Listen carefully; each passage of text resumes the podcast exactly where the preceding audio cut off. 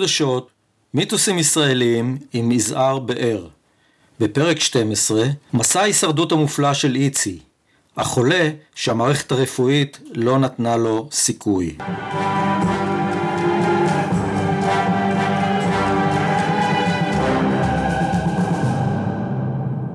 בשנת 2001 אובחן איצי באר כחולה בסרטן הערמונית עם גרורות שהתפשטו בגופו ועם תוחלת חיים צפויה של חודשים אחדים. לאחר ששכח ההלם הראשוני, התחיל איצי לבדוק את אשר מערכת הבריאות יכולה להציע לאדם במצבו. למעשה, באותה תקופה היא לא יכלה להציע לו דבר, מלבד טיפול הורמונלי שהיה אמור להחזיק אותו בחיים זמן לא רב, עניין של אה, מספר חודשים לכל היותר. איצי מתחיל ללמוד את המחלה ואת האפשרויות העומדות בפניו, מתכתב עם חולים ורופאים בכל העולם, ומפתח אסטרטגיה משלו במלחמה על חייו. בדרכו הוא פוגש עשרות חולים במצבו. כולם ימותו ממחלתם בשנים שיעברו מאז. גם חלק מהרופאים שטיפלו באיצי לקו בסרטן ונפטרו. בניגוד לכל הסיכויים, איצי שרד. 15 שנים אחרי שאובחן לראשונה הוא מסכם את ניסיונו יוצא הדופן במלחמתו הערמומית בסרטן ואת התובנות הרפואיות שרכש במסעו זה. הוא מספר על מאבקיו במערכת הבריאות, הוא מדבר על מיתוסים נפוצים אצל חולים הניצבים מול המחלה הארורה ומול הרופאים ומערכת הבריאות. הוא מדבר גם על משמעותה של הרפואה האלטרנטיבית וגם על איזה אדם הפך בעקבות המחלה. היום איצי עומד בראש עמותת חיים עם סרטן ההרמונית, פעיל בנושא זה בזירה הציבורית, משמש יועץ ותומך להמוני חולים חדשים, והוא מרצה מבוקש בפני פורומים של חולים ואנשי רפואה. וכן, הוא גם אחי. את השיחה הזאת אנו מנהלים בדרכנו אל העיירה בליטא, שכמעט איש מבניה לא שרד את הכיבוש הגרמני ב-1941, מלבד אמנו. זהו אם כן סיפור על הישרדות מופלאה בניגוד לכל הסיכויים. סיפור עם תובנות לחולים ולבריאים שבינינו. אובחנתי כחולה בסרטן ההרמונית, חולה עם אה, נתוני פתיחה מאוד אה, לא סימפטיים. התוחלת החיים שקצבו לי רופאיי והמערכת הרפואית הייתה משהו כמו מקסימום שנתיים ומינימום כמה חודשים ספורים. ובהתייעצות שערכה משפחתי ללא ידיעתי, ואני חושב שגם אתה השתתפת באותה התייעצות אצל אה, הרב פירר. נכון. אז uh, הוא יעץ לכם, העצה הכי משמעותית שהוא יעץ לכם זה להתכונן להלוויה. מה שקרה בעצם באותם ימים, uh, ב-2000, התחלתי להרגיש מחושים שונים ומשונים. זה התחיל מדברים קטנים ולאט לאט זה התגבר עד שהיה לי קשה, הרגשתי שאני הולך ו... ודועך. הלכתי מספר פעמים לרופא המשפחה והוא שלח אותי לבדיקות אה, דם כאלה ואחרות ואחרי זה הלכתי אליו עוד פעם ועוד פעם והוא שוב חזר על הבדיקות דם וכל פעם הוא היה אומר לי אתה הכל בסדר איתך, אין לך מה לדאוג, קצת מרגיש לא טוב, זה קצת זה, אבל אתה בסדר. הרופא היה בן אדם אה, מאוד שרמנטי, נחמד כזה, כריזמטי באיזשהו אופן. הוא שכנע אותי בעצם, אני בתמימותי חשבתי ש... כן, זה פחות או יותר המצב, זה הסתדר איכשהו. אבל המחושים החריפו ובסופו של דבר אה, ממש אה, הביאו אותי למצב, אה, אפשר להגיד שהרגשתי שאני הולך למות. ואז הלכנו לרופאה אחרת, והיא אמרה לי, תשמע, אני לא יודע, בדקה אותי דקה או שתיים, ואמרה לי, תשמע, אני לא יודעת מה יש לך, אבל תלך לעשות מיפוי עצמות. עשיתי מיפוי עצמות, ואז תוך כמה ימים קיבלתי באופן יוצא מהכלל את פענוח תוצאות הבדיקה. בסוף הבדיקה, האחות אומרת לי, תהיה בריא. ככה, תהיה בריא הזה, נשמע לי שאני מאוד חולה. ואז הגעתי לרופא, והוא אומר לי, הוא אומר לי בתמציתיות שיש לי, שיש לי קליטות. לא, מה, מה זה קליטות? זה אומר שיש בעצמות כל מיני סימנים, כל מיני סימנים שחורים. שאלתי אותו כמובן מה, מה זה אומר. אז הוא אמר, תשמע, זה יכול להיות כל מיני דברים, זה יכול להיות איזושהי מחלת עצמות, זה יכול להיות אה, סימנים של שברים שהיה לך בעבר בעצמות. ואני כבר, כל החששות וכל זה שצברתי באותו, במשך אותו הזמן, שאלתי אותו, תגיד, זה יכול להיות סרטן? אז הוא ככה השפיל את העיניים. התבייש. התבייש, לא היה לו נעים, והוא אמר, כן, יכול להיות. וככה נפרדנו, והוא השאיר אותי עם, ה... עם האינפורמציה הזאת. נסעתי הביתה וזה וזה, התארגנתי ל...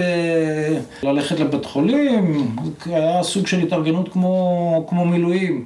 מכינים תקלי רחצה, מכינים ספר, מכינים זה, מכינים זה, בגדים להחלפה, תחתונים, גופיות, עניינים. נסענו לחדר מיון, כמובן צפוף שם וזה, מלא חולים. וזה. הם לוקחים ממני שם בחדר מיון אה, בדיקות דם, ואחרי זה כמה, שעתיים נגיד הייתי בחדר מיון, הם אומרים לי, תשמע, אנחנו מאשפזים אותך. בסדר, נכנסתי למיטה שם, הרגשתי מאוד דואב מצד אחד, ומאוד uh, מותש, ומצד שני הייתה איזו תחושה שהקלה, שכאילו אני מעביר את ה... מעביר את הבעיה שלי לצוות המקצועי ו... והם יטפלו בזה כמו שצריך. כן, הם ידעו לטפל בזה ואני כאילו מסיר מעליי את האחריות לבריאות שלי. בסדר, למחרת אה, ביקור רופאים וזה, ותוך זמן קצר נקראנו לחדר של מנהלת המחלקה ובאנו, כבר, אה, אני כבר הייתי מוכן ומזומן לחטוף את הבום על הראש. בקיצור, נכנסנו לחדר של הרופאה והיא אמרה, תשמע, יש לך סרטן הרמונית, גרורתי.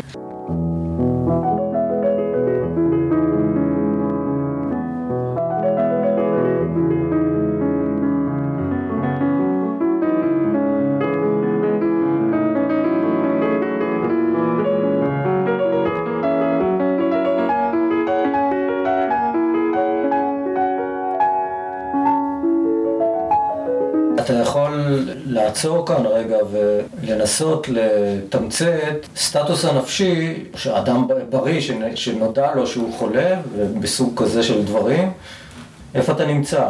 זו, זו, זו תחושה של בדידות? תחושה נוראית, אני הייתי בהלם טוטאלי, לא ידעתי מה, עוד לא הבנתי בכלל באיזה עולם אני חי, זו תחושת הלם ו...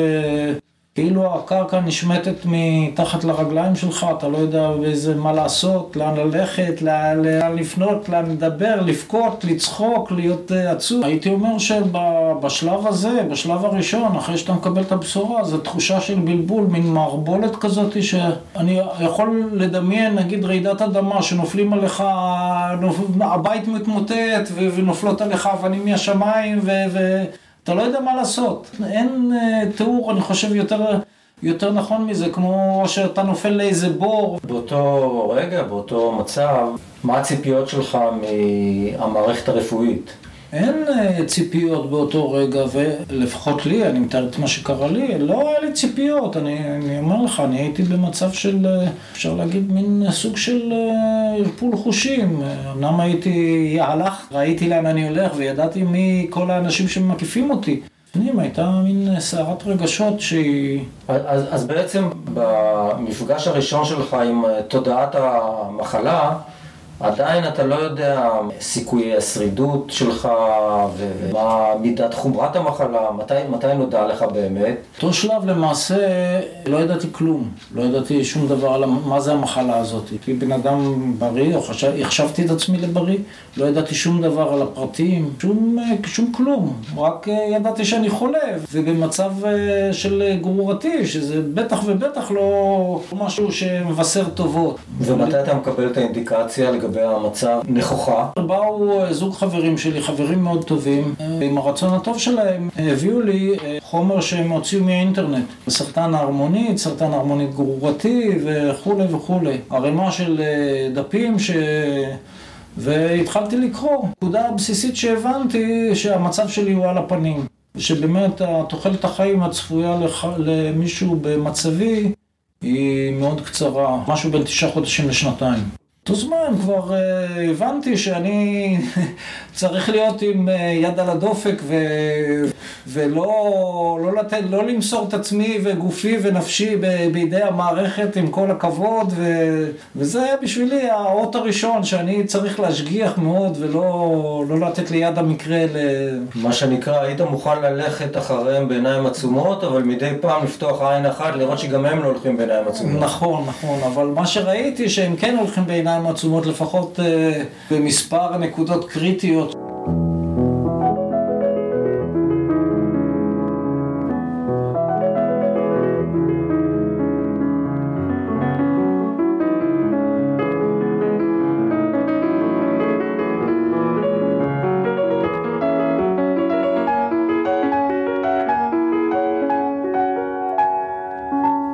אז, אז אם אנחנו מתמצתים את תמונת המצב אה, עד לרגע ההוא, אתה מאושפז, נוחתת עליך בשורת איוב, וכמו שאימא שלנו נהגה אה, להגיד, כשהתבראה התמונה נעשה לנו חושך בעיניים. וכאן אה, מתחיל המאבק האישי שלך, עם אה, קצת תמיכה מהצד, אבל אה, הוא בעיקר שלך. אתה מהנדס מכונות, אתה איש הפרטים הקטנים ואתה צולל אל יער המידע. אה, מתחיל בעצם לחפש פתרונות, רפואה לא יכולה להציע לך. קודם כל, מתי אתה מגיע למסקנה שבעצם המערכת הרפואית לא יכולה להוציא אותך מהצרה הזאת. אוקיי, okay, אז אדם, הבן אדם הסביר שהולך לרופא או נזקק למערכת הרפואית, הוא מאמין בתוך תוכו שהמערכת, אה, שהרופא יודע בעצם הכל. והוא ייתן לו את הטיפול המיטבי, בלי שום ספק, אין, בשביל זה קיימת מערכת הרפואה. ובעצם שהרופא הוא חצי אלוהים, כל אה, פרוס לפניו כספר פתוח, והוא רק צריך אה, להצביע על התשובה. אז אה, בואו ניתן מספר דוגמאות ש... שאני עברתי באופן אישי, ושאיכשהו מנפצות את המיתוס הזה. אז הדוגמה הראשונה זה שנזקקתי לביופסיה כדי אה, להגדיר את האגרסיביות אה, של המחלה, את התפשטות המחלה, ובאמצעות איזשהו אקדח כזה ש... שמורט ומכוונים אותו באמצעות אולטרסאונד שמכניסים לפי הטבעת. תהליך מאוד נעים הייתי אומר. בלשון המעטה. יורים, כן, בלשון המעטה. ויורים כזה מין אה, חץ כזה ש... שהוא נכנס ומוציא חתיכת אה, בשר, חתיכת דגימה מההרמונית. כאמור, קיבלתי חומר מחבריי וקראתי ולמדתי שצריך מינימום שש דגימות כאלה. כדי למפות בעצם את... אה, למפות את הגידול. אם קיים גידול כן, ועוצמתו והאגרסיביות כן. שלו. ואז אומרים לי, אוקיי, הגיע תורך אחרי כשבוע ימים. אני לפי ההוראות מתלבש עם החלוק הזה עם הפתח מאחורה ומסיעים אותי על אה, מיטה כזאת לפתח חדר הניתוח. אתה שוכב שם בחדר המתנה כזה כמו במוסך של מכוניות, של מכוניות שמחכות לטיפול, עומדות בחוץ כזה, חדר, היה לי קר אני זוכר, ובשלב מסוים מגיע אליי רופא ושואל אותי אם אני ארצה את זה בהרדמה או בחצי הרדמה או במשהו מקומי. טשטוש.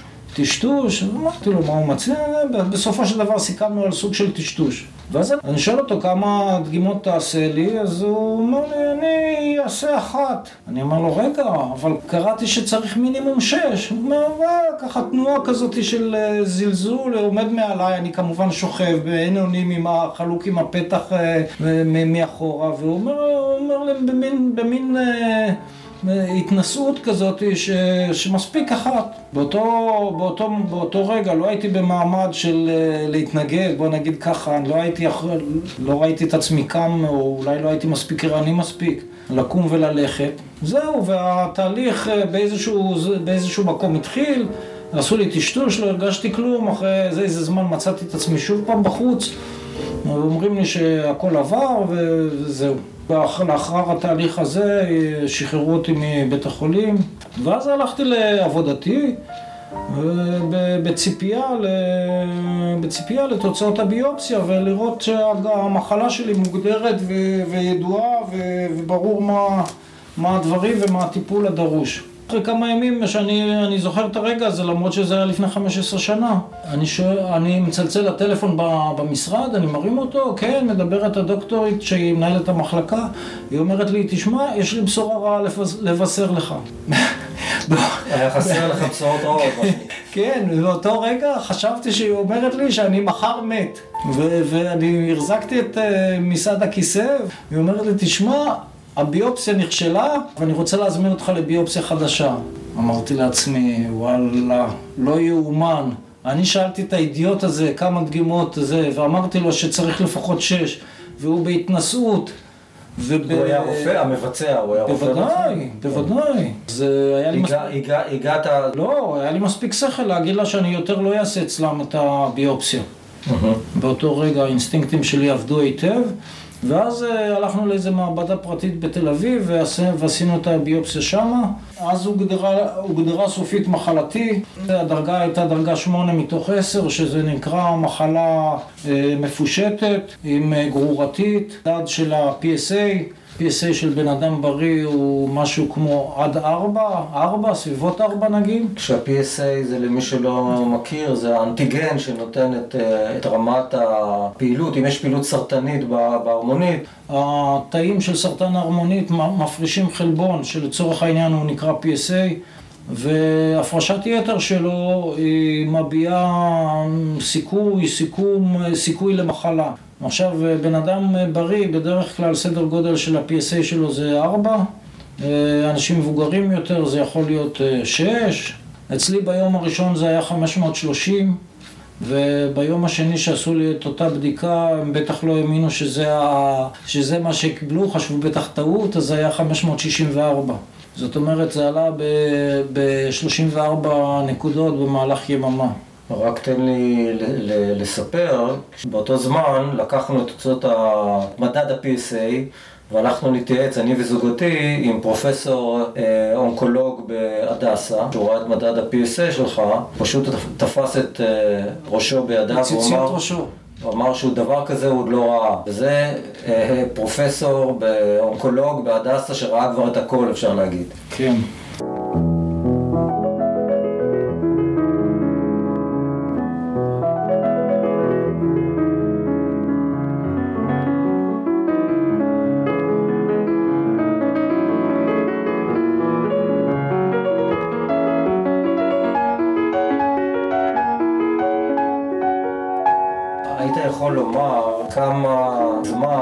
נמשכה תקופת ההלם, ההלם המקפיא, שבה אתה כמעט לא מסוגל לעשות כלום בעניין ומפקיר את עצמך במרכאות או לא במרכאות לידי הרפואה. בוא, בוא נגיד, זה נמשך זמן מה, לפחות אה, שבוע, אולי חודש, זה כמובן לא משהו שיש לו clear cut, שיש לו אה, סוף אה, חד, חד בזמן מסוים. ככל שאתה מכיר יותר את העובדות וככל שאתה נכנס יותר לפרטים ולומד את עניין המחלה, לומד את פרטי המחלה ואת, ה, ואת הניואנסים ואת האפשרויות טיפול, אז ההלם הזה באיזשהו אופן מתפוגג. באופן אישי, במקרה שלי, אני החליפה את ההלם הזה תחושה נוראית שבן אדם הולך למות. הרגשתי את עצמי הרבה פעמים. שזו הייתה תחושה ריאלית. תחושה ריאלית, כן. הרגשתי את עצמי כאילו אני בתא נידונים למוות, או לחילופין אפשר לתאר את זה כאילו אני הולך עם אבן, אבן ענקית על הכתפיים שלי, יושבת עליי ודוחסת אותי כלפי האדמה. בסיטואציה אחרת שחלמתי שאני רץ על מסוע, שבקצהו יש תהום, אני רץ נגד הכיוון, ו- ואני רץ ורץ ורץ, ו- והכוחות שלי אוזלים, והמסוע דוחף אותי לכיוון התהום. ומבחינה נפשית, התחושה הזאת שאתה למעשה בתא נידונים למוות, ו- ו- ואין דרך, כאילו, למרות שאתה חופשי, אתה יכול, אין לך דרך לברוח, זו תחושה נוראית. אני לא יודע, אנשים שהולכים למות, אם זה, ה- אם זה התחושה שלהם. בתקופה הזאת הבן הגדול שלך עוד לא התגייס לצבא, הבן הקטן עוד לא עבר את דבר המצווה. כן. ואתה מנהל מין אה, טבלת ייאוש הפוכה. היא לא לקראת היום המשחרר, אלא...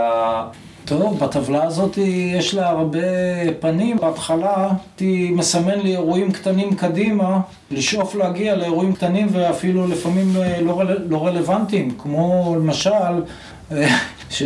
שיגמרו את התקנת הרמזור באיזשהו צומת, או שיגמרו את השיפוץ של הכביש, או כל מיני שטויות כאלה שהן לא רלוונטיות, אבל מבחינתי הם, הם סימנו איזשהו, איזשהו זמן שחייתי עד אליו, הספקתי להגיע עוד חודש, עוד שנה, עוד חצי שנה. אחד האירועים היותר משמעותיים זה הבר מצווה של, אה, של הבן הקטן שלנו, של גורי, שהיום הוא בן 27. עברתי עוד, אה, עברתי עוד, אה, הגעתי לעוד נקודה ועברתי אותה בהצלחה, הגעתי לעוד שיא. או... אז כמה אייטמים היו בטבלה שלך בערך של להשיג? היו הרבה. שכל פעם נוספו חודשים, שאתה רואה את הזמן כן, מתארך כן, להפתעה. כן, כן, חלק מהם אמנם עוד לא השגתי עד עכשיו. והאייטם נוסף בטבלה שלי היה לעשות רישיון ולקנות אופנוע. אבל זה לצערי, אמנם התחלתי, אבל היה לי איזו תקלה שם שלא נפלתי מהאופנוע והחלטתי שמסוכן מדי בשבילי העניין הזה והחלטתי לרדת מזה, מחקתי אותו מהטבלה. אבל נסענו על האופנוע שלי. זה נסענו על האופנוע של, כן, שלך, זה בסדר. אתה באיזשהו שלב הגדרת את עצמך, או ככה, או ככה שאתם אה, החולים.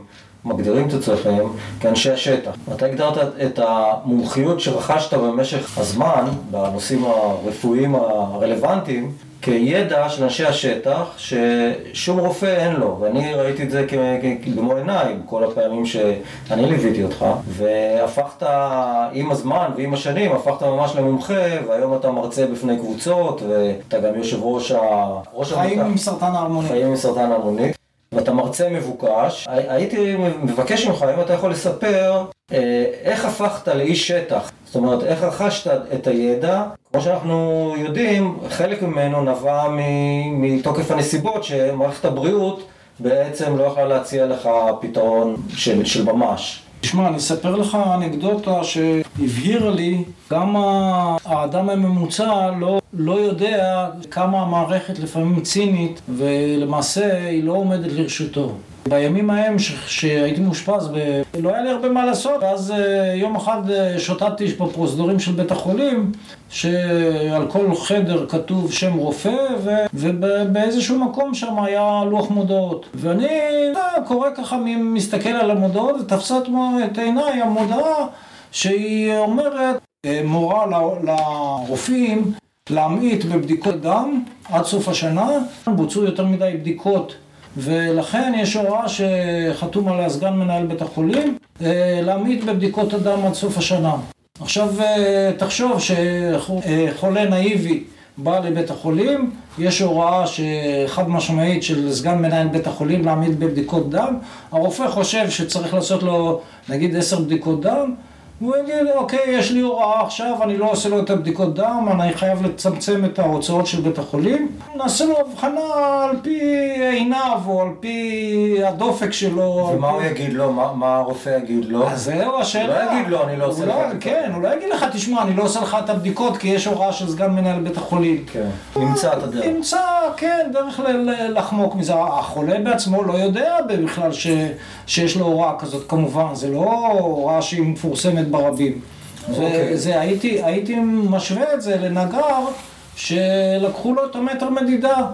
עכשיו לך תבנה ארון שאין לך, לך מטר מדידה. זה, זה נשמע לי באותו זמן, ועכשיו זה נשמע לי עוד יותר נורא. ואני מאוד מקווה שהיום זה כבר לא קיים. אני יכול לציין באותו עניין בדיוק. הרופא משפחה שלי, שהוא היה שולח אותי באמת לבדיקות דם אה, מרובות לפי בקשתי ולפי, דרישת, ולפי המלצתו, סיפר לי שהרופא המחוזי בא אליו ואמר לו, תשמע, אתה גורם עוין, אתה מבזבז לנו הרבה כסף. אה, נא תמעיט בבדיקות הדם שאתה שולח את הפציינטים. ולמזלי הטוב, הרופא אמר לו, אתה יודע מה, אתה יכול לפטר אותי. רופא קופת חולים, כן. זה, זה חלק מהתמונה שאתה נתקל בה. זה, זה, כן, זה תמונה שהיא בעצם, החולה הרגיל, הוא לא יודע עליה, הוא לא, הוא לא רואה אותה. אז אתה, הפכת בעצם עם הזמן לחולה לא רגיל במובן הזה של רכישת אה, ידע קונקרטי למחלה הזאת ולימים אפילו כתבת ספר בשיטת החתול שמפרט את כל מה שרכשת וכל מה שעבר עליך בתקופה הזאת. הייתי מבקש ממך שתספר איך, איך נבנה הדבר הזה ש, שאתה קראת לו איש השטח. אני, אני, חייב, אני חייב להגיד רק שיום אחד שליוויתי אותך לפגישה עם ראש המחלקה אה, האונקולוגית בבית החולים ש, שבו אושפזת ואני הייתי עד לשיחה ביניכם כשאתה אומר לו אני הייתי רוצה ממך פרוטוקול כזה וכזה וכזה ואני רואה את הפרופסור המדופלם מגלגל עיניים לשמיים ואומר לך טוב איצי אם זה מה שאתה רוצה אני ארשום לך אבל שהוא הוא, הוא, הוא לא יצא לך שום דבר איך, איך רוכשים ידע כזה? טוב, זה, זה כמובן תלוי, אה, נקלעתי לסיטואציה שהייתי חייב אה, לצאת למלחמה על חיי, כי אם לא כן הייתי אה, נכנס לסטטיסטיקה של תשעה חודשים עד שנתיים, היו מכסים אותי באדמה, ו... והיה סוף לסיפור, והייתי אכן עומד במקיים את הסטטיסטיקה. קודם כל היה לי, היה לי ויש לי רצון עז לחיות. באותה תקופה עוד יותר מה, אני חושב שעוד יותר ממה שהיום, כי אז היה לי ילדים קטנים יחסית, הייתי בתחילת הקריירה, באיזשהו שלב של התחלתי של הקריירה המקצועית שלי, והרגשתי שלא מיציתי את ימיי. היה לי הרבה, הרבה משימות אה, לפני שאני הולך לעולמי, ככה ראיתי את הדברים, ויצאתי למלחמה על חיי. עכשיו, במלחמה, כמו במלחמה, אתה, אתה נעזר בכל הכלים, והכלי הראשון, הכי הכי משמעותי, זה הכלי של הידע. אתה רוכש ידע, יש לך יתרון על, המחלה ועל האחרים. קראתי ולמדתי בכוחות עצמי ובעזרה של אה, אחרים. והגעתי למקומות ש... שבלי הידע לא הייתי יכול להגיע אליהם. יצרת קשר עם אה, חולים בכל העולם. כן, אחד, ה... אחד המקורות של הידע, הידע למעשה הידע הלא פורמלי, הידע מהשטח כמו שאתה קורא לו.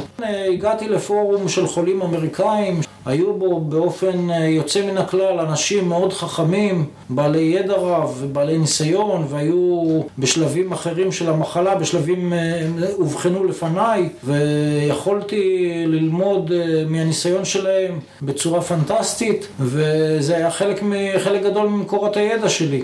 מתוקף זה שלמדתי ואני עד היום לומד, אה, משקיע בלימודים של, אה, של הנושא של סרטן ההרמונית, שזה משמש אותי בכל ה, הדברים שציינת קודם, כמו הרצאות בפני אה, גורמים מקצועיים אחרים, בפני חולים וכולי. עד כדי כך שהיום הפכתי לסוג של גורו.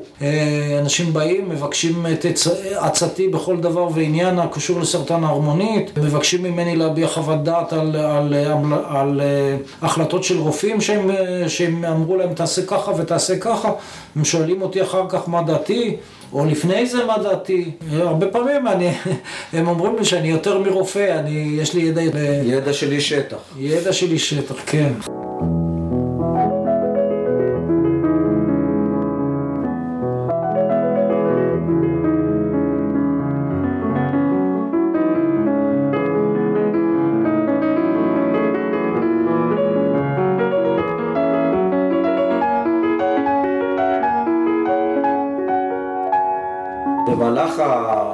ה-15 שנים האחרונות, אתה פגשת עשרות אם לא מאות חולים בסוג המחלה שלך, או, או, או ברמת ההתקדמות או האגרסיביות של המחלה. אתה יכול להגיד אה, כמה נותרו בחיים? אה, תשמע, לא נעים להגיד, אבל כולם מתו. על איזה, על איזה על, סדרי גודל? על חולים במחלה אגרסיבית. כמה כאלה פגשת, או הכרת, או ידעת עליהם? פגשתי עשרות. כולם מתו? כולם אה, לאורך השנים, זאת אומרת, יש חדשים כל הזמן, כן. אבל, אבל מבין החולים שנגיד אה, שהתחילו בשנים שאני התחלתי, אז אה, אפשר להגיד שכולם מתו. לצערנו, לא נעים להגיד, אני גם הייתי בגרמניה באיזשהו, בקליניקה מסוימת, היו איתי משהו כמו נגיד 12 ישראלים חולים, אמנם חולים בסרטן, בסוגי סרטן שונים. לפי מיטב ידיעתי, כולם לצערנו נפטרו, בכלל זה מספר אנשים שהתחברתי איתם, והיה קשה, קשה, ככה במשך השנים אתה מאבד אנשים שבאיזשהו אופן אתה נקשר אליהם, אחד אחר השני, ואין ספק שזה תהליך לא נעים. אני, אני ארצה לשאול אותך בהמשך אה, איך אתה מסביר את זה שאתה מקרה, מין מקרה יוצא דופן כזה, אבל היה, היה מקרה אחד ש, של אותו רנטגנולוג שאבחן אותך, אתה יכול לספר מה, מה היה איתו? אה, באופן כללי גם חלק מהרופאים שלי מתו כבר, כולל אה, רופא משפחה, הרופא שלא אבחן את מחלתי אותו רנטגנולוג באיזשהו מקום אחרי... שהוא היה צעיר ממך, אתה מדבר על... צעיר, כן, איש צעיר, איש צעיר יחסית, אני חושב ב-10 או 15 שנה צעיר ממני.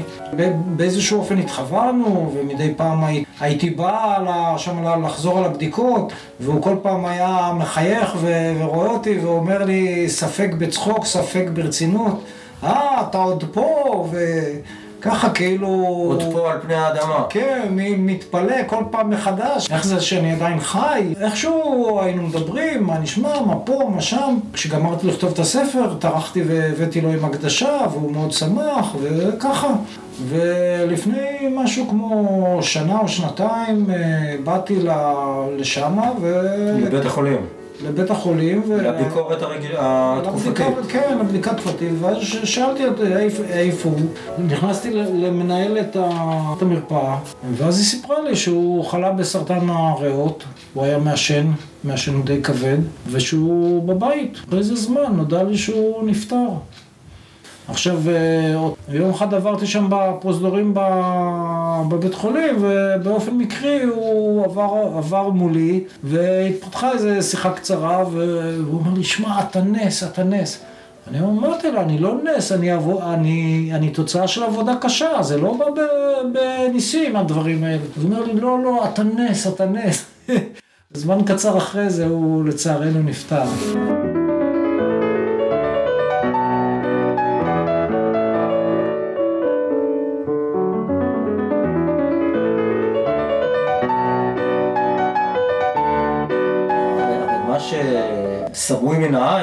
זה מה הסיבות שאתה מכל האחרים שרדת אה, ממצב אה, בלתי אפשרי. אז קודם כל, האם כאיש שטח מדופלם, יש לך הסברים למה אתה שרדת ואחרים לא? תשמע, העניין הזה די מורכב, זאת אומרת, זה לא כל התשובות יש לי, אבל uh, יש לי מספר הנחות, ואני יכול לפרוס אותן אם זה, אם זה מעניין. הדבר המעניין. ואולי מישהו, איזשהו איש בעולם, ישמע את דבריי, ואולי זה יעזור גם לו. הדבר הראשון ש, שבעצם uh, התחלתי לדבר עליו uh, מקודם, לימוד והבנת אה, פרטי המחלה זה עוצמה בלתי רגילה. בן אדם שלא מבין את המחלתו, לא מבין את מחלתו לפרטיה, לא מבין את מגוון הטיפולים האפשריים, לא מבין, אה, לא יוכל להתמודד בהצלחה. זה נראה לי תנאי מספר אחת. תנאי מספר שניים, לא פחות חשוב, זה סביבה תומכת. אה, התברכתי במשפחה תומכת, הייתה לי תמיכה טוטאלית. הדבר הזה הוא חשוב בצורה בלתי רגילה על מנת שיהיה לחולה סיכוי להתגבר על מחלתו. סלח לי שאני קוטע אותך כאן, אבל אני מניח שלפחות חלק, אם לא רוב, האנשים שלצערנו טמונים עכשיו מתחת לאדמה, הם זכו לתמיכה מהצד, מהמשפחה, מהבנות זוג, בני זוג, ממקורבים, ובכל זאת, התוצאה שלהם הייתה אחרת. נכון. זה תנאי, אה, זה תנאי הכרחי, אבל תנאי לא מספיק.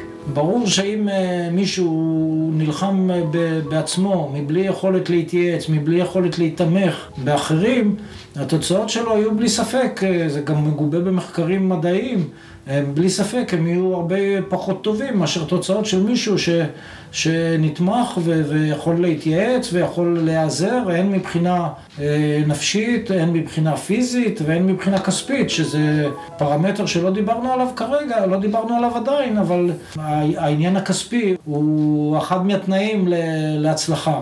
אה, מה שאתה אומר בעצם שאנשים עשירים הם בעלי סיכויים גבוהים יותר לשרוד. נכון.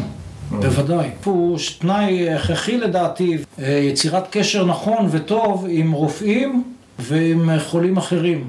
אה, ללא יצירת קשר וללא יכולת להשיג מהם את הטיפולים, התמיכה הרפואית המתאימה, אין לך סיכוי להגיע לאן שאתה רוצה במסגרת, ה, במסגרת ההתמודדות שלך במחלה.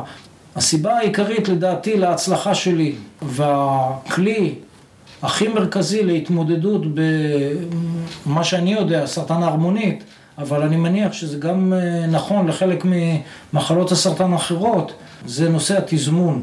זה נשמע כאילו משהו לא קשור. מתן טיפול מתאים בזמן המתאים שווה עשרות מונים ממתן אותו טיפול בזמן הלא מתאים. אני אתן אה, דוגמה למשל במקרה שלי, אותו טיפול כימותרפי, הוא ניתן בזמן שמחלתי הייתה מצומצמת ביותר, אה, הודות לטיפולים קודמים. לעומת זה, אותו טיפול עצמו שניתן לחולים אחרים, כאשר מחלתם לא הייתה מצומצמת, אה, השפעתו הייתה לאין ארוך יותר פחותה מאשר ההשפעה אצלי. אני חושב, ואני אה, אימצתי את, ה, את הנקודה הזאת כנקודת מפתח בטיפול שאני מטפל בעצמי, לא מאפשר למחלתי להתפתח, ובכל פעם ש, שיש איזה סימנים של התפתחות, אפשר להגיד שאני, מבלי, בצניעות אני אומר, מוצא לעצמי את הזמן הנכון להכות במחלה ברגע הנכון. זאת אומרת, לא לתת לה להרים את הראש, אלא לחזור ולהכות בה באמצעות טיפול זה או טיפול אחר רלוונטי, ובצורה הזאת לדאוג להדחתה במקסימום האפשר. אתה יכול, אתה יכול להגיד בכמה מילים, גינוני המחלה, אולי ב, בלשון של קרב, של שדה קרב, איך, של עמדות, למה, למה התזמון הוא כל כך חשוב? אני, אני אולי אקח את זה לכיוון החקלאי יותר. כן. תאר לך שיש לך חלקה עם אה, איזה שהם, אתה מגדל אה, נגיד פרחים, ובחלקה צומחת יבלית. יבלית זה, זה עשב בר שעיקש, שמאוד קשה להיפטר ממנו. עכשיו, תיתן לו להשריש ולהתפשט בתוך חלקת הפרחים, ואחר כך תנסה לעקור אותו מהשורש, יהיה כמעט בלתי אפשרי להיפטר ממנו. לעומת זה, אם ברגע שיצוצו הגבעולים הראשונים או העלים הראשונות של אותה יבלית ואתה תעקור אותה או תרסס אותה, יש לך סיכוי טוב להשמיד אותה.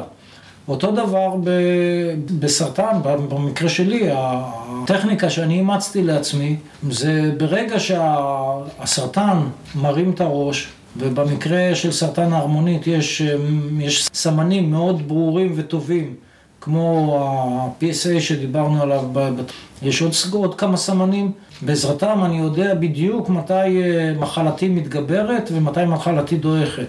ברגע שמחלתי מתגברת, אני מפעיל את אחד מהכלים העומדים לרשותי ומדעיך עד כה בהצלחה מרובה את המחלה. אני עושה את זה כבר במשך 15 אה, שנה, ועד כה, גדול, אלוהים איתי.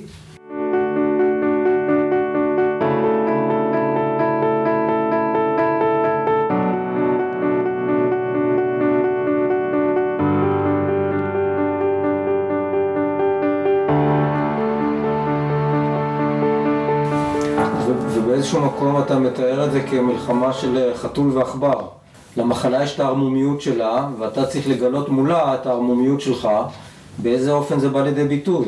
אז אולי פה בנקודה הזאת באמת אה, לא, לא הדגשנו ולא הבהרנו שמחלה גרורתית היא בעצם לא ניתנת לריפוי. אם נחזור רגע לשלב של האבחון אה, ולשלב של ההלם, אז אחד הדברים היותר קשים ל- ל- ל- לקליטה או להבנה של חולה שאומרים לו אתה חולה במחלה גרורתית ומחלתך אינה ניתנת לריפוי, חד וחלק, ואין בזה פשרות ואין בזה קיצורי דרך ואין בזה שום דבר. אז אה, מחלה גרורתית לא ניתנת לריפוי, וכל מה שאנחנו מנסים לעשות זה בעצם להדעיך אותה ולהשאיר אותה במצב של מחלה כרונית שאפשר לחיות איתה. אבל אה, לא מתים ממנה. במקרה שלי אני חי מאוד טוב, אני נהנה מהחיים, עובד, מתפרנס והכל בסדר. הלוואי על כולם הצלחה כמו שלי. אבל, אבל תסלח לי שאני לוחץ בנקודה הזאת. אתה רוצה להגיד שאף אחד מכל מאות החולים שפגשת לאורך הדרך, או שהיו לצדך, ושהיום הם אה, לא חיים, לא נקט בצעדים האלה? או בחלק מהם, או, או, או בחוסר כישרון, או בחוסר ידע. אה, שמע, אתה תופס אותי בבטן הרכה. אני רוצה אולי להתנצל על ה... נגיד על החוסר צניעות שלי, שהפגנתי ל... ל... ל... במשך השיחה, שכאילו יש בי... תרגיש חופשי, אף אחד לא מת מחוסר צניעות. כן. בא בן אדם אחר ונוקט באותן הגישות. ולא הצליח. כנראה שיש פה איזשהו, איך שאני אומר לסובבים אותי, אלוהים איתי. אלוהים שאני לא מאמין בו, הוא איתי. לא יודע להגדיר את זה, אבל אלמנט בלתי מוסבר ביכולת שלי לשרוד לאורך השנים באופן יוצא מן הכלל, ובהחלט אני גאה על כך, אם זה נס, ואם זה החוכמה שלי, ואם זה הטיפשות שלי, ואם זה כל דבר אחר, אבל אני בהחלט גאה בזה. בוא, בוא נדבר עכשיו על המיתוסים שדיברנו עליהם בהתחלה, הזכרנו אותם בהתחלה, שיש לציבור בכלל ולחולים ובני משפחותיהם בפרט, לגבי רופאים, מערכת הבריאות, כוחה, יכולתה, אה, נאמנותה, אה, ההסתמכות העיוורת של חלקנו על הידע והמקצועיות לכאורה או האמיתי של הרופאים ושל מערכת הבריאות. אתה חושב, לאור ניסיונך, שב, שבגדול חולים שנקלעים למצוקה בריאותית מהסוג, מהסוג שלך, עם אה, בוא נגיד מחלה כרונית או מחלה שאין לה ריפוי, האם הם יכולים לעשות משהו חוץ מלהסתמך על מערכת הבריאות ועל הרופאים? אה, הייתי אומר ככה, החולה, האיש הממוצע שבא ונזקק לשירותיה של מערכת הבריאות, הוא מאמין בתום לב שהמערכת תעשה את כל מה שניתן וכל מה שצריך על מנת אה, לעזור לו להירפא מחוליו או ממכאוביו. אה, בן אדם אה, מגיע לרופא והוא בטוח שהרופא יש לו את כל המידע ואת כל היכולות על מנת לתת לו את התשובות הכי טובות ואת הטיפולים הכי טובים שמתאימים למצבו. פגישותיי עם מערכת הרפואה קודם כל, מניסיוני האישי אני יודע ש, שלא תמיד הרופאים יודעים את הדברים, יודעים מבחינה מקצועית. לפעמים הרופא שאתה מגיע אליו הוא עייף, מותש ו- ורצוץ מעומס החולים והאירועים שקורים לו, ולפעמים אה, פשוט אין לו ידע. לפעמים יש צורך לבוא לרופא אונקולוג, למרות שאין לך הזמנה או אין לך תור קבוע מראש. ואז אתה עומד בפתח הדלת שלו, מחכה להזדמנות להיכנס, ואתה רואה שעל הדלת צובעים עוד עשרות, לא עשרות נגיד, אבל עוד הרבה חולים שחלקם קשים, ומחכים למוצא פיו של הרופא. בתוך תוכי אני מבין את העומס הרב שמוטל על הרופא, ואת היכולת הנפשית הסופית שלו להתמודד עם המצב שעומד אה, במשך היום מול עשרות חולים. וצריך להחליט החלטות הרות גורל שיכולות להשפיע על החיים שלהם בהמשך. ובהחלט העניין הזה כמעט בלתי אפשרי בין תמותה הרופא לצלוח אותו בשלום. היה לי מקרים ששאלתי את הרופא, הרופא האונקולוג, הרופא המומחה, אחרי שטיפול אחד אה, הראה סימנים שהוא מפסיק להשפיע, כאילו, מה, מה השלב הבא? מה, מה אני יכול לעשות לאבא? מה, מה כאילו הטיפול הבא? אחרי שהטיפול הזה בעליל נראה שהשפעתו הולכת, השפעתו הטובה הולכת ודועכת. והרופא מגלגל עיניים לשמיים, ו... ואני מבין שאין באמתחתו שום דבר, ואני צריך אה, להתפלל איכשהו לנס או לצפות לנס.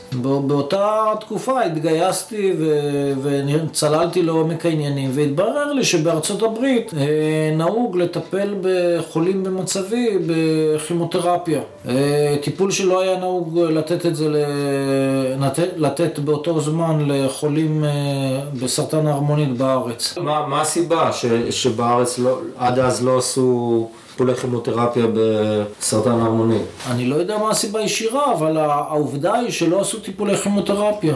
ובארצות הברית רק התחילו לעשות את הטיפולים האלה, והבינו שהם אה, בעלי השפעה מאוד אה, טובה על החולים. באמצעות האמצעים האלקטרוניים החדישים, התקשורת האלקטרונית, הגעתי למצב שיכולתי לשאול אה, חולים אמריקאים שהמליצו לי לקחת את הטיפול הזה, ולא רק המליצו, אלא גם שלחו את הפרוטוקול, הפרוטוקול של הטיפול הכימותרפי. הפרוטוקול זה למעשה הרצפטורה ש... שמורה לרופא איזה מינון לתת מאיזה תכשיר וכמה זמן ומתי וכולי. זה כמו מתכון לעוגה, הפרוטוקול זה מתכון לטיפול כימותרפי. הבאתי את, ה... את אותו פרוטוקול לרופאים בארץ. ולבכירי הרופאים האונקולוגיים שמומחים בסרטן הערמונית, ואחד אה, הבכירים שלהם אמר לי, תשמע, אין הוכחה שזה מאריך חיים או שזה משפר איכות חיים, ושלח אותי עם האמירה הזאת לדרכי, כאשר לא היה טיפול אחר בנמצא. הלכתי לרופא שני, והוא הצטרף לאותה דעה. הלכתי לרופא שלישי, שבמקרה זה הייתה רופאה, וגם היא הצטרפה לאותה דעה. ורק לאחר שלחצתי ו- וניצלתי, נניח, אם אפשר לקרוא לזה קשרים אישיים, אז היא, אותה רופאה, הסכימה לאשר לי את הטיפול באותו תכשיר. עכשיו, הטיפול באותו תכשיר, עשה, במקרה שלי, הוא עשה פלאות. הוא הוריד את ה-PSA שלי לאפס, זו שאיפה של כל חולה סרטן הרמונית, שה-PSA שלו יהיה אפס. שיפר את מצבי ללא הכר והביא אותי לתקופה ארוכה מאוד של אה, הפוגה במחלתי. פה אני רוצה לעצור אותך רגע. אתה רוצה להגיד שאתה קיבלת מידע שלא היה ברשות הרופאים בישראל? הרופאים המקצועיים? כן, ככה היו פני הדברים. אני הבאתי להם את הפרוטוקול. בסופו של דבר הם גם אישרו, אחת הרופאות אישרה לי את זה, מאחר וזה לא היה בסל התרופות, הטיפול הזה. אה, נאלצתי בהתחלת הדרך לקנות את התרופה, אה, משהו קטן של עשרת אלפים שקל בחודש. הטיפול בי כאמור אכן עשה פלאות ושיפר את מצבי הרפואי ללא הכר. מה היה קורה אם לא היית נוקט בטיפול הספציפי הזה בזמן ההוא, לדעתך? אין, אין, לי אישית אין ספק שהייתי מצטרף לגלריה של האנשים שהעפר מכסה אותם. מבחינתי זה, זה חד משמעי. והיום הטיפול הזה מוכר? מוכר... היום הטיפול הזה ניתן בוודאי. הטיפול, אמנם הפרוטוקול קצת שונה, אבל בעיקרון הטיפול לכימותרפי ניתן לכל חולה סרטן הרמוני שהמצב הרפואי שלו דורש את זה. כן, ו- והיה לי הכבוד להיות הראשון שקיבל את הטיפול הזה. אפשר להגיד שבזכות המקרה שלך בין השאר אושר, אושר הטיפול המסוים הזה? כן. הוכר? אותו רופא, אותו מומחה, מומחה על. של סרטן ההרמונית בין היתר. בשנתיים אחרי זה, בדיון שהיה בוועדת התרופות, בוועדת הבריאות של הכנסת על נושא התרופות, הוא בא ודרש שייתנו, שיכניסו את, את, אותו, טיפ, את, אותו תכשיר, את אותו תכשיר כימותרפי לסל התרופות, דפק על השולחן ואמר שלא נותנים לו כלים לטפל במטופלים. בעוד ששנתיים לפני זה, במו, במו פיו, אמר לי שאין הוכחה ואין התכנות שזה יעזור לי. צריך להבין במקרה הזה ש, שגם רופא הוא בן אדם. וגם הוא עושה טעויות, וגם הוא סובל מחוסר ידע, ואו עומס חולים יותר מדי גדול, ואו כל סיבה אחרת. אבל בתור חולה, החולה שבא לקבל את העצה של הרופא, עצתי, שים לב, תפקח עין, אל, ת, אל תאמין באמונה עיוורת בשום, בשום אדם ובטח לא ברופא.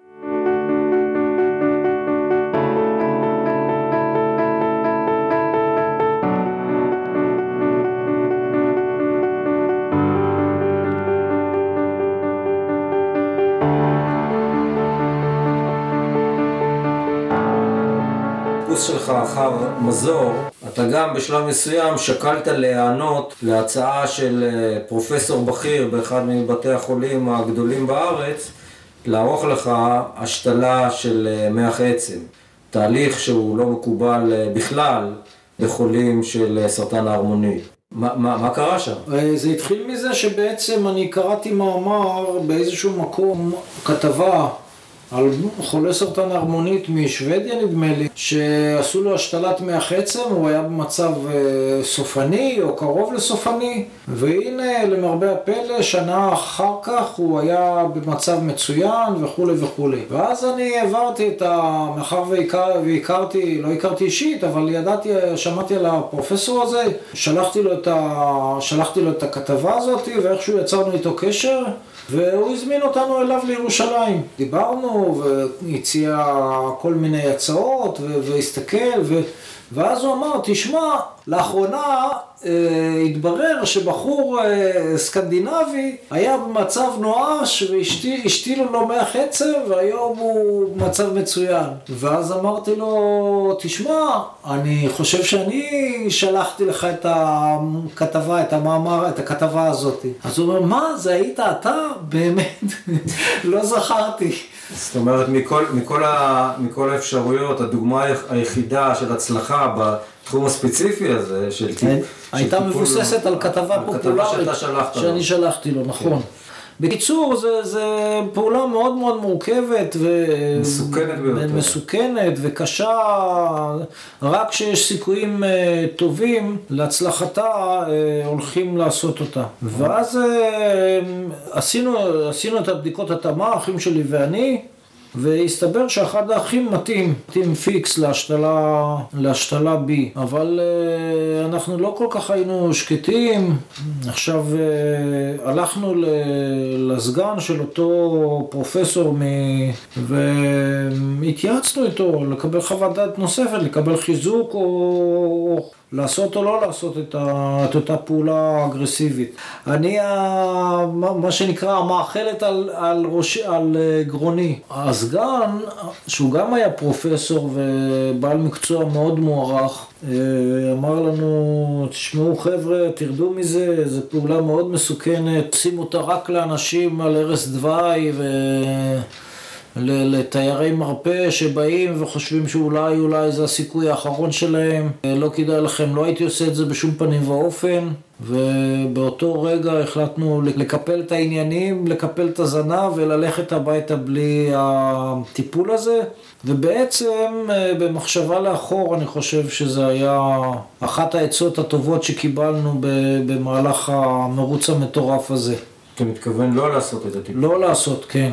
רק כן. אני חייב להזכיר, אותו פרופסור שהציע לך את אה, השתלת מח העצם, פרופסור מהולל, לאחרונה, לא מזמן, נסגרה המרפאה שלו על ידי משרד הבריאות.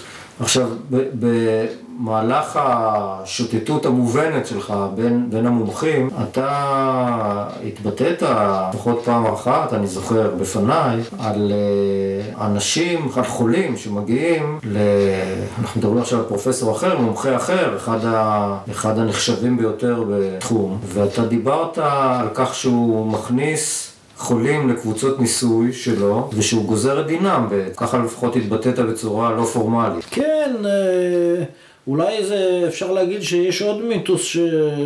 שקשור בזה, שהעולם הרפואה הוא נטול אינטרסים, ובעצם בא בן אדם אה, לחפש אה, מרפא ומזור, כמו שקרה, אמרנו קודם, והוא לא יודע שמאחורי המסך, מסך הרפואה, אה, יש עוד שם מסכים נוספים שמאחוריהם מסתתרים כל מיני אינטרסים שונים ומשונים, והוא פשוט עיוור להם. לדוגמה, בא בן אדם גם לאותו פרופסור, והוא מציע לו בתמימות, לכאורה, ללכת לניסוי. יש איזשהו תכשיר חדש שרוצים לבדוק אותו, לבדוק מהי השפעתו. הניסוי, בדרך כלל זה ניסוי מה שנקרא דאבל בליינד. מה זה דאבל בליינד? שחצי מהאנשים, חצי מהחולים המשתתפים בניסוי מקבלים תרופת דמה, ובסופו של דבר ההשוואה היא בין אלה שקיבלו תרופת דמה לבין אלה שקיבלו תרופה אמיתית. עכשיו, לא החולים ולא הרופאים שמנהלים את הניסוי לא יודעים מי קיבל תרופת דמה ומי קיבל תרופה אמיתית. עכשיו, יש פה שתי מלכודות. מלכודת ראשונה, שולחים את החולה לניסוי בתכשיר או בתרופה שלא לא יודעים מה יהיו תוצאות הניסוי, לא יודעים אם היא תהיה טובה, היא תהיה רעה לבן אדם, מה יהיו תופעות הלוואי. אם היא לא תהיה טובה, הבן אדם מפסיד זמן יקר שיכול אה, לטפל בעצמו בתרופה מוכחת, בתרופה ידועה אולי, ו... ולצאת נשכר ממנה. והדבר השני, הוא מהמר ב-50% על, אה, על חייו, שהוא עלול לקבל ב-50% הסתברות הוא עלול לקבל תרופת דמה. העניין הזה זה פשוט, אה, אני מזהיר אנשים מללכת לניסוי. נכון, מה שנכון, שמחתימים את הבן אדם, אמורים להבהיר לו את, אה, את בדיוק את תנאי הניסוי, אבל בן אדם שבא ל, לרופא מפורסם, מהולל, והוא, אותו רופא, אותו פרופסור מציע לו הצעה, זה כמעט בחזקת הצעה שאי אפשר לסרב לה, כמעט. אבל מהצד השני צריך להגיד באמת שהוא אותו חולה, הוא חותם על כל המסמכים המתאימים ושום דבר מבחינתו לא אמור להיות הפתעה. למרות זאת אני חושב שהרבה פעמים חולים הולכים בעיניים עצומות ולא מבינים את המשמעות של העניין, המשמעות העמוקה של העניין הזה. אפשר להגיד בזהירות הראויה שאינטרס מרכזי של רופא בכיר מהסוג הזה שפותח קבוצת ניסוי זה בעצם אה, לקדם אה, מחקר שלו, שבצורה מסוימת משרת, משרת את הקידום האישי, הקידום המקצועי שלו. בהחלט. ובמידה מסוימת רוכב על גבם של... של החולים שחלקם אה, לא יצאו מזה חיים. אפשר להגיד את זה בהחלט, יחד עם, עם ההסתייגות. הרופא, בשביל לקבל דרגה, בשביל לקבל קידום, הוא צריך להשתתף בכך וכך מחקרים, לנהל כך וכך מחקרים. מעמדו משתבח בממסד הרפואי, הוא מקבל אולי דרגה יותר גבוהה, הוא מקבל תואר פרופסור. ויחד עם זאת צריך אה, גם להגיד שבלי המחקרים והאנשים שכאילו מקריבים על, על מזבח המחקרים, אה, הרפואה יהיה לה קשה מאוד להתקדם, כי בלי לנסות אה, תכשירים חדשים, okay. כן. הם לא יגיעו, ל, הם לא יגיעו ל, לממסד הרפואי, הם לא יגיעו לחולים באופן שוטף. Okay.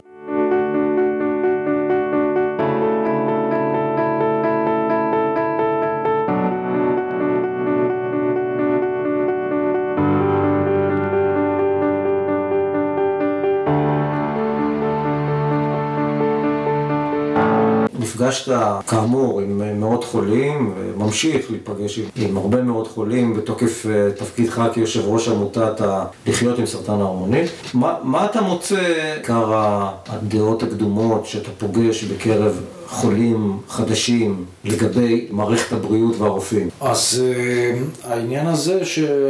שההבנה של הרופא יש אינטרס. Uh, אתה פוגש הרבה תמימות? זו הכוונה שלך? כן, כן. כן. ההבנה, נניח שבן אדם אה, הולך לעשות, חולה חדש, הולך לבדוק אצל מספר רופאים מה, מהו הטיפול הכי טוב בשביל, עבורו. אז יש הרבה, הרבה פעמים שעולה, הולך למספר רופאים, וכל רופא אומר לו שהטיפול הכי טוב לבחור במצבו הוא הטיפול שהוא, שהוא מומחה בו. למשל, כאלה שנגיד בא חולה חדש, הוא הולך למנתח ש, שמומחיותו אה, להוציא את אה, בלוטת ההרמונית, שזה אחד הניתוחים היותר פופולריים בקרב חולי סרטן הרמונית, אז הוא ממליץ לו כמובן לעשות ניתוח ולהסיר את אה, בלוטת ההרמונית. ואז הוא הולך למי, למומחה אחר שהוא התמחותו הקרנות להרמונית, או הקרנות בכלל.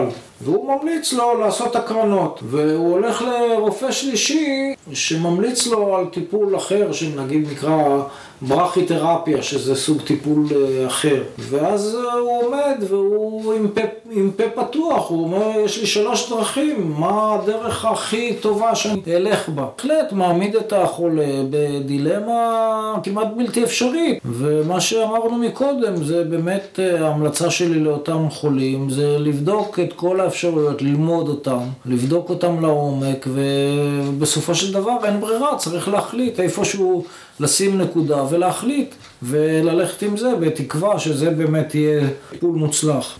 מהניסיון שלך עם הקהילה הזאת שלעולם לא נגמרת, כל הזמן יש חולים חדשים, אה, באיזו מידה משפיע המצב הנפשי, הפסיכולוגי, על, אה, על כושר השיפוט של אותם חולים? כלומר, האם, האם הם אה, חלקם או רובם, אני לא יודע, נכנסים לאיזשהו סטטוס פסיכולוגי של להוריד אחריות מעצמנו, לתת לרופאים שהם ידאגו, שהם יטפלו, שהם ימצאו פתרון ושיקרה מה שיקרה. יש דבר כזה? אה, בהחלט כן.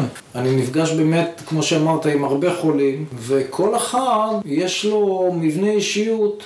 אחר, וכל אחד מגיב בצורה אחרת. יש כאלה שחוקרים לעומק לפרטי פרטים. יש כאלה שאומרים, אה, עזוב אותך, תן לרופא, או משהו יגיד, אני עושה, אני לא רוצה לשמוע, לא רוצה זה, שיעשה מה שזה. יש כאלה ש... שאומרים, אני רוצה להוציא את ההרמונית הזאת בכל מחיר. לא מעניין אותי, לא רוצה את הסרטן הזה בגוף שלי. יש מכל המינים ומכל הסוגים, וכל אחד אה, אה, עם מבנה האישיות אה, שלו. אני יכול רק לספר עוד אנקדוטה מזוג נחמד שפגשתי, שהוא היה חולה בסרטן ההרמונית, ואני ב... בחוסר הרגישות שלי אולי, הם ישבו איתי ו... וניסו לקבל אה, מידע או אה, ללמוד מהניסיון שלי, ואמרתי להם, אה, חברים, אתם צריכים לצאת למלחמה, זה לא, זה לא מצב נורמלי, האיש חולה וצריך לגייס את כל הכוחות הנפש ואת כל הזמן למאבק. אז האישה אומרת לי, אישה משכילה ומרצה באוניברסיטה או משהו כזה, אומרת לי, מה פתאום? מה, אין לנו חיים? יש לנו עבודה? יש לנו ילדים, יש לנו עניינים, יש לנו גם מחלה, זה חלק מהעניין. לא שאנחנו לא יוצאים לשום מלחמה, אנחנו מטפלים בדברים, מטפלים, יש עוד דברים לטפל. לא, לא מתאים לנו. ואז אני תפסתי את עצמי ואמרתי, איך אני כאילו מנסה להשרות את האופי שלי על, ולהנחיל את הדרך ההתמודדות שלי לאנשים אחרים, ו- ו- וזה לא תמיד מתאים, זה, זה לפעמים אה, אולי מתאים, אבל אה, לפעמים זה לא מתאים, וזה קיבלתי בפרצוף את, ה- את התגובה שלה. וזה לימד אותי הרבה, הרבה על אה, חוסר צניעות שלי ועל, ועל אולי שחצנות, ואני לא יודע איך להגיד את זה יותר במילים אחרות, אבל זה, ככה זה נראה לי.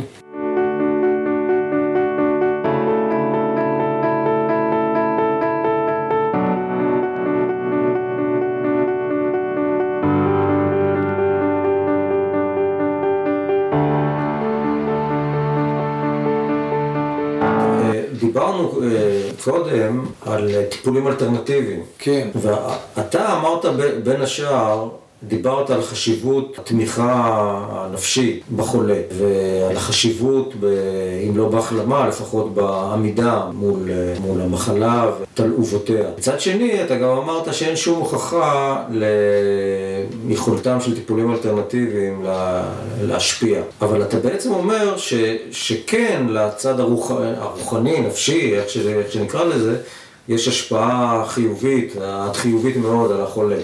אז איך אתה מיישב בין, בין, בין, בין הסתירות הללו? כפי שאני מבין את הדברים, וכפי שאני יודע, כאמור אין אה, שום הוכחה, ש...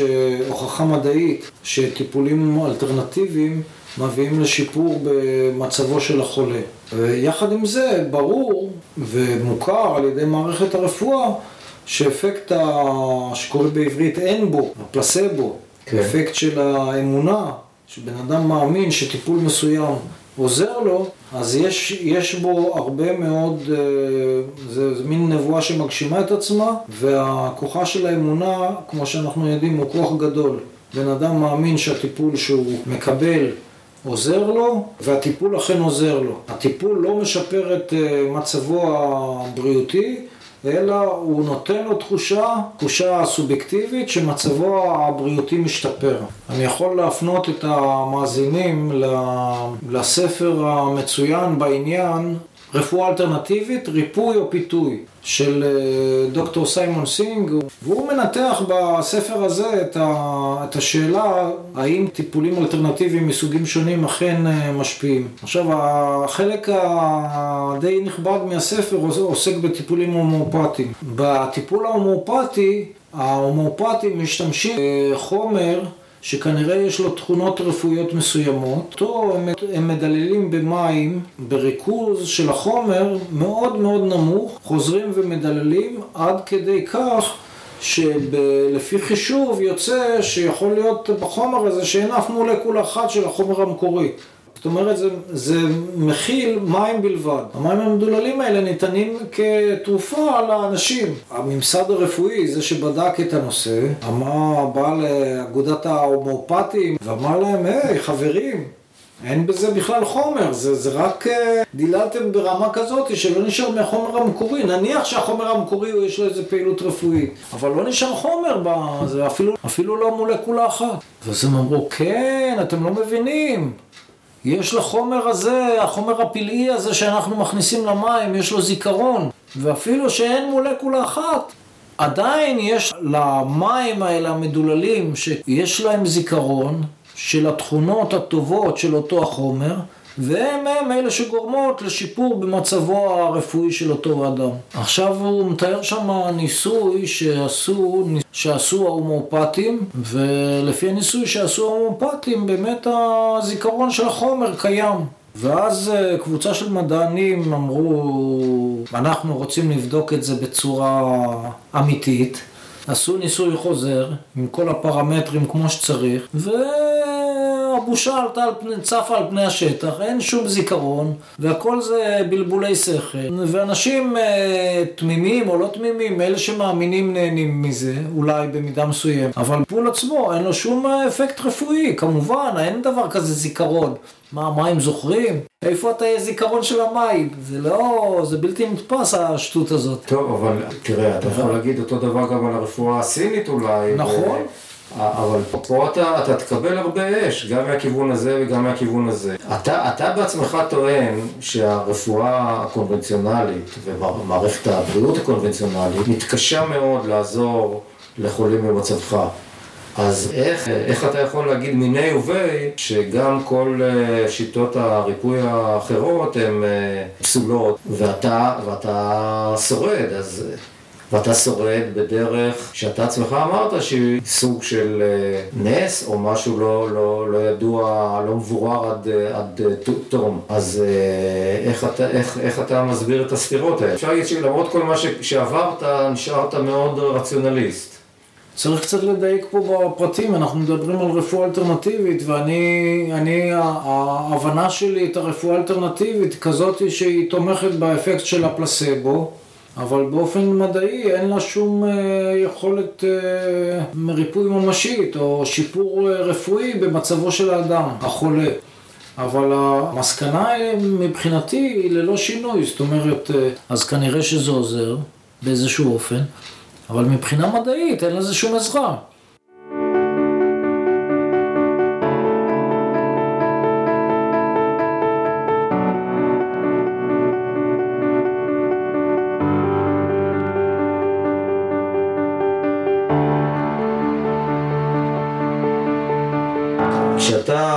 עומד היום בפני קהל של חולים, חולים חדשים בעיקר, אתה מוצא אותם אה, מאוד מבוהלים. מה, מה הדברים העיקריים שהם פונים אליהם? מה, מה הם רוצים לקבל ממך? איזה, איזה, איזה, איזה חיזוק, איזה מידע. אני אתן לך דוגמה עכשיו, יש לי איזה משפחה שהאישה מתקשרת אליי מדי פעם ומנהלת איתי, אה, היא מתייעצת איתי כל פעם לפני שהם הולכים לרופא או אחרי שהם הולכים או חוזרים מרופא ובעלה חולה ככה עם גרורות וזה, אבל הוא מצב uh, סביר, בוא נגיד, יכול לחיות uh, מספר שנים ואולי מספר שנים רב. העניין שם שהמשפחה בהיסטריה וכל פעם היא מתקשרת אליי ואני מנסה להרגיע אותה וזה ואומר לה, תשמעי, זה בסדר וככה וככה ותירגעי והכל בסדר והטיפול בסדר או שתעשי ככה או תעשי אחרת או תבקשי חוות דעת נוספת או דברים מהסוג הזה. ובפעם האחרונה שדיברנו, זה היה לפני כמה ימים, היא אומרת לי, תשמע, אנחנו חזרנו מהרופא, כל המשפחה, אני, בעלי, הילדים יושבים בבית ובוכים. אז אני אומר לה, מזל, למה אתם בוכים? המצב של הבעל שלך בסדר. היא אומרת לי, הרופא נתן לנו תחושה נוראית, כאילו אנחנו הולכים, כאילו הוא הולך למות. אמרתי לה, מזל, תפסיקו לבכות, קחי את הבעל שלך ותלכי היום לסרט. היא אומרת, מה, אנחנו יכולים? אפשר ללכת עם מכונית חולה לסרט? אני אומר לה, לא רק שאתם יכולים, אתם צריכים ללכת לסרט. היא אומרת, מה אתה אומר? היא אומרת לי, איזה רעיון גדול, אנחנו כבר שנתיים עם המחלה הזאת, לא יצאנו מהבית מרוב שאנחנו בלחץ וזה. היא אומרת לה, תקחי אותו. קחי, תלכו. כשאתה אה, מדבר על ה... גם על, ה... על מיתוסים של חולים בקשר ל...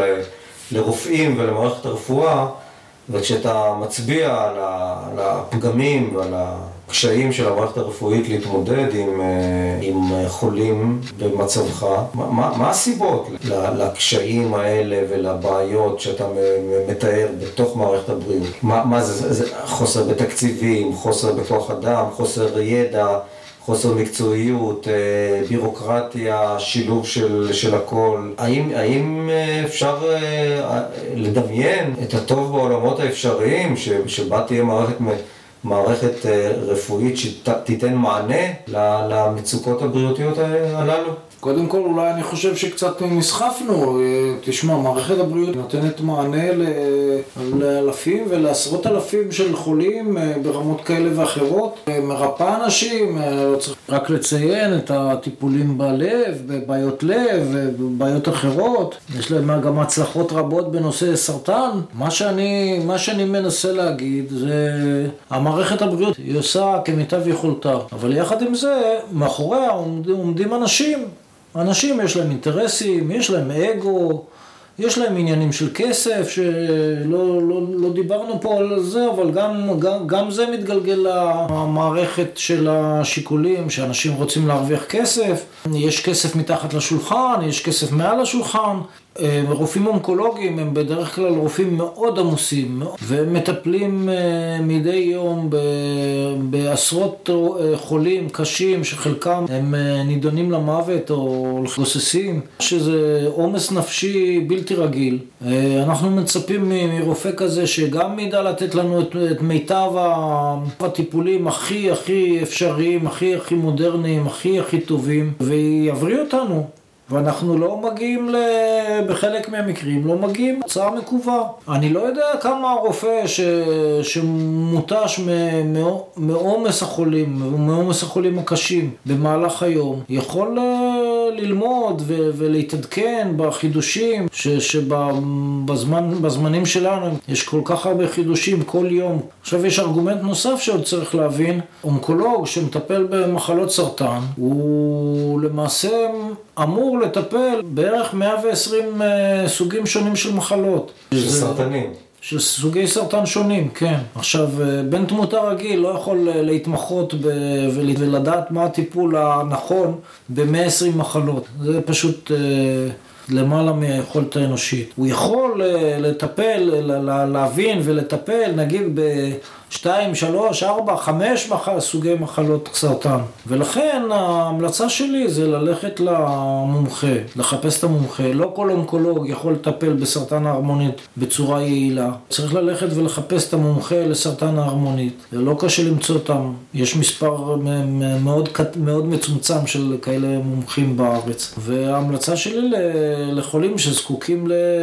לייעוץ היא ללכת למומחה. לא ללכת לאונקולוג כללי בשום... בשום פנים, לא כי אונקולוג כללי יכול בחוסר ההבנה או באי ידע מספיק להביא לתוצאות נוראיות שקשורות בחיים ומוות. כמה ימים, אה, שבועות, אתה הולך להרצות בפני חולי סרטן אה, הרמונית חדשים אה, בנושא החידושים האחרונים בתחום המלחמה בסרטן. מה אתה הולך לספר להם? יש אה, התפתחות מאוד מרשימה בנושא טיפולים בסרטן הרמונית ויש לי הכבוד, היה לנו הכבוד בתור עמותה לעזור להכניס חלק מהטיפולים לסל הבריאות. כמו על uh, טיפול מסוים של, uh, נקרא לזה על חומר ניגודי חדש שמשמש בבדיקת CT והחומר הניגודי הזה יודע להתחבר לתאים של סרטן הרמונית. הוא מתחבר לתאים של סרטן הרמונית בלבד ולא לתאים בריאים והוסף לחומר הזה איזשהו uh, חומר רדיואקטיבי ומזריקים את החומר הזה לבן אדם. החומר נספג בתאים הסרטניים בלבד, ואז עושים סריקת CT, ומגלים באופן uh, הרבה יותר מדויק והרבה יותר uh, מהימן מאשר קודם, את המיקום של כל התאים הסרטניים שיש לו, שיש לו בגוף. הבדיקה הזאת היא, היא הביאה למהפך באופן האבחון של חולי סרטן, והאבחון הוא משליך באופן ישיר על, ה, על הטיפול. אה, ראוי לציין שבעתיד, כבר עובדים על זה, יהיה טיפול שמאפשר את אותו חומר שיודע להידבק לתאים של סרטן הרמונית, יחברו לו בנוסף אה, חומר רדיואקטיבי שידע להרוס את התאים הסרטניים באותם אתרים. זה למעשה כמו טיל עם ראש ביות. ראש ביות יודע לכוון את הטיל לנקודה ספציפית בגודל מאוד קטן. פה הטיפול הזה ידע להרוס את כל התאים הסרטניים בכל האתרים שבהם הם קיימים בגוף ומבלי לפגוע בתאים בריאים. מבחינת החולים זה בחזקת אחרית הימים.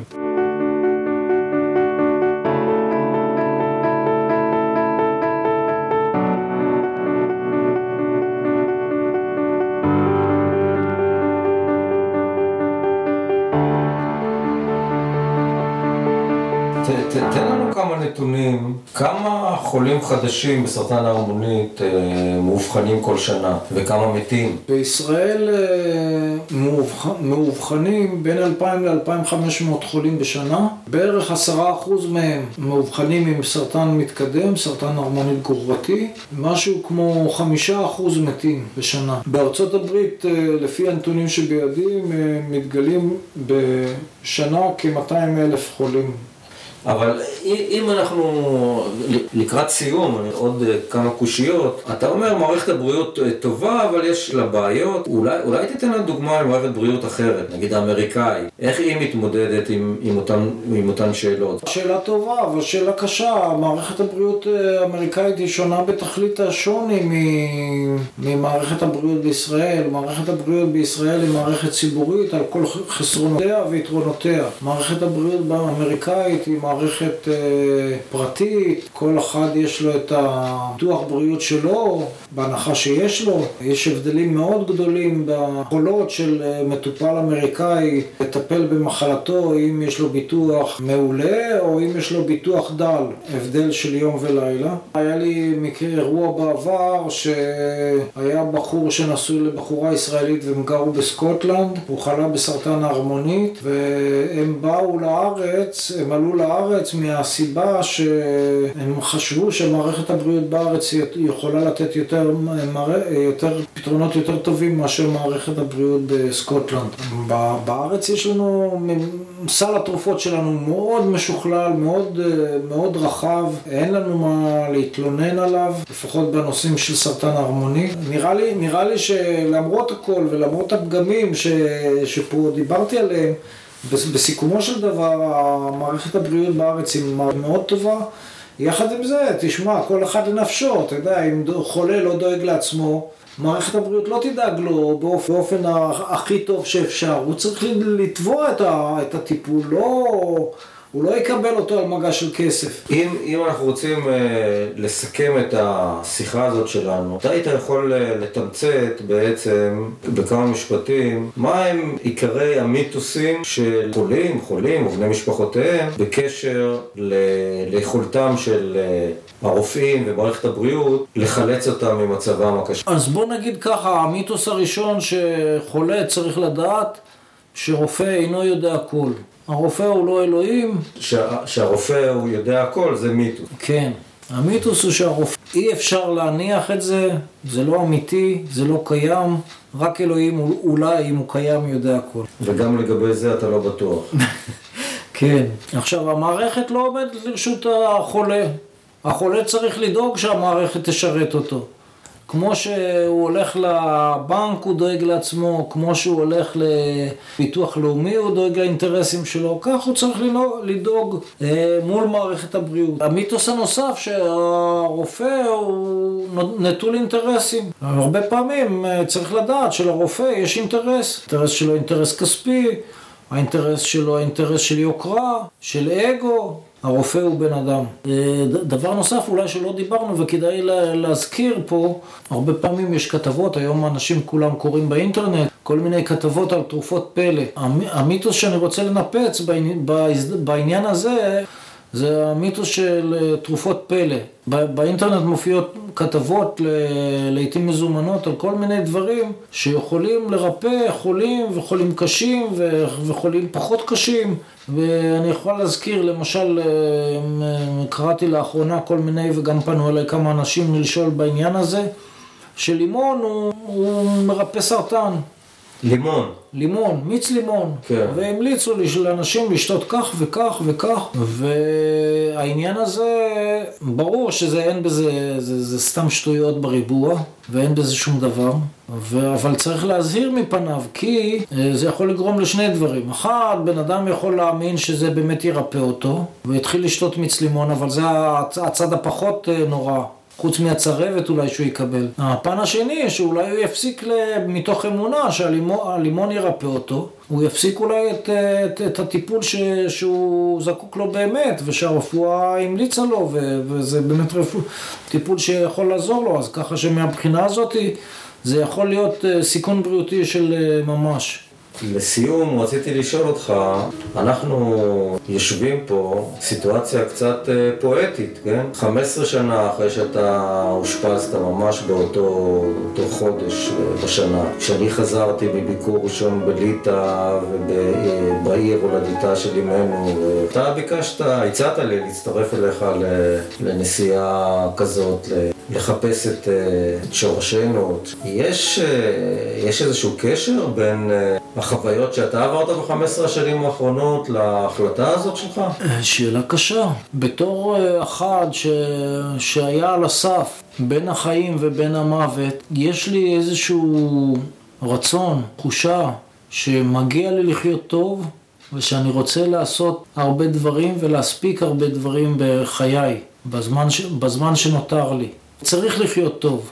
זה כאילו צו פנימי שלי, ובמסגרת הזאת רוצה או מנסה לנצל את אה, חיי כדי, אה, כדי לממש את העניין הזה. זאת אומרת, ליהנות מהחיים, לחיות חיים משמעותיים, בעלי משמעות. יותר ממה שהיה הצורך שלי מקודם. אה, במסגרת הזאת אני מנסה לעשות כל מיני דברים שאני חושב שיש להם אה, משמעות. ואני שמח שיש לנו הזדמנות באמת להיות פה ביחד ובאיזשהו מקום קצת להסיר את האדמה או את האבק מעל החיים. של האימא שלנו ומשפחתה ולהבין קצת, לנסות להבין קצת יותר איך הם, אה, איך הם חיו ואיך הם אה, אולי מתו.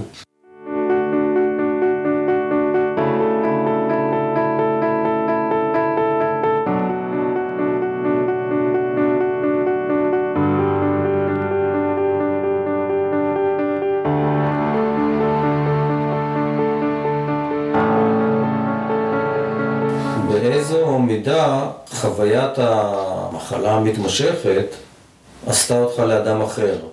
ואם כן, לאיזה אדם? אני רוצה לחשוב שאני נעשיתי כן אדם אחר, אבל למרות שאני לא בטוח שזה נכון, זאת אומרת, אה, בימים הקשים של המחלה, אני יודע שזה לא רק אצלי, אה, שזה אנשים אחרים גם כן אה, היה קורה להם, אנשים בסיטואציה דומה. היו אומרים לעצמם שאני אצא מהמחלה, אני אהיה איש טוב, אני אהיה ככה ואני אהיה ככה ואני אהיה ככה. ואני יודע וזוכר שגם אני אמרתי לעצמי, אם אני רק אה, איכשהו אצא מהדרק הזה, אני אעשה ככה ואני אהיה ככה ואני אהיה איש טוב ואני לא אתעקש על אה, שטויות ואני לא אהיה אה, מה שנקרא גרידי וכולי וכולי ואני אתרום ואני אעשה ואני זה ואני זה. אבל אה, כשזמן עובר וההבטחה הזאת היא מאוד קשה למימוש לאורך זמן. הרבה פעמים אני מרגיש שאני, שאני נהייתי איש יותר טוב אבל לפעמים אני מרגיש מה פתאום? זה בכלל לא נכון אתה עוד פעם מתחיל עם הדברים הקטנים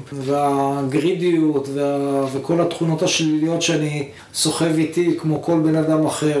אז אה, קשה לדעת. אני רוצה לחשוב שאני אדם יותר טוב אבל בתוך תוכי אני יודע שזה לא בטוח בכלל והלוואי שאני אדם יותר טוב. בכל מקרה כשכל פעם שזה עולה אני מבטיח לעצמי שאני אשתדל להיות אדם יותר טוב אז מה שאני יכול להגיד, ואני לא אומר את זה בחנופה, כיוון שיש לנו מספיק אה, רגעים שאנחנו מתקוטטים, ככה שאין אין בינינו עניינים של חנופה, אני מקווה, אבל אני חושב שכן נעשית האדם אה, יותר טוב, אני יכול להעיד את זה בתור אחיך מזה, מזה היום הראשון שאני נולדתי. נעשית אדם אה, מאוד אה, נדיב, אני חושב, אה, מאז, הרבה יותר נדיב, הרבה יותר קומוניקטיבי, הרבה יותר מקשיב, הרבה יותר סובלן. כמובן שאת כל זה אני לא חושב ברגעים שאתה בלתי נסבל, אבל ברגעים האחרים אני חושב את זה. תודה, תודה. אז איצי, מה אנחנו נאחל להמשך? שנהיה בריאים, אה? כן, בהחלט. יאללה, תודה. מאה אחוז.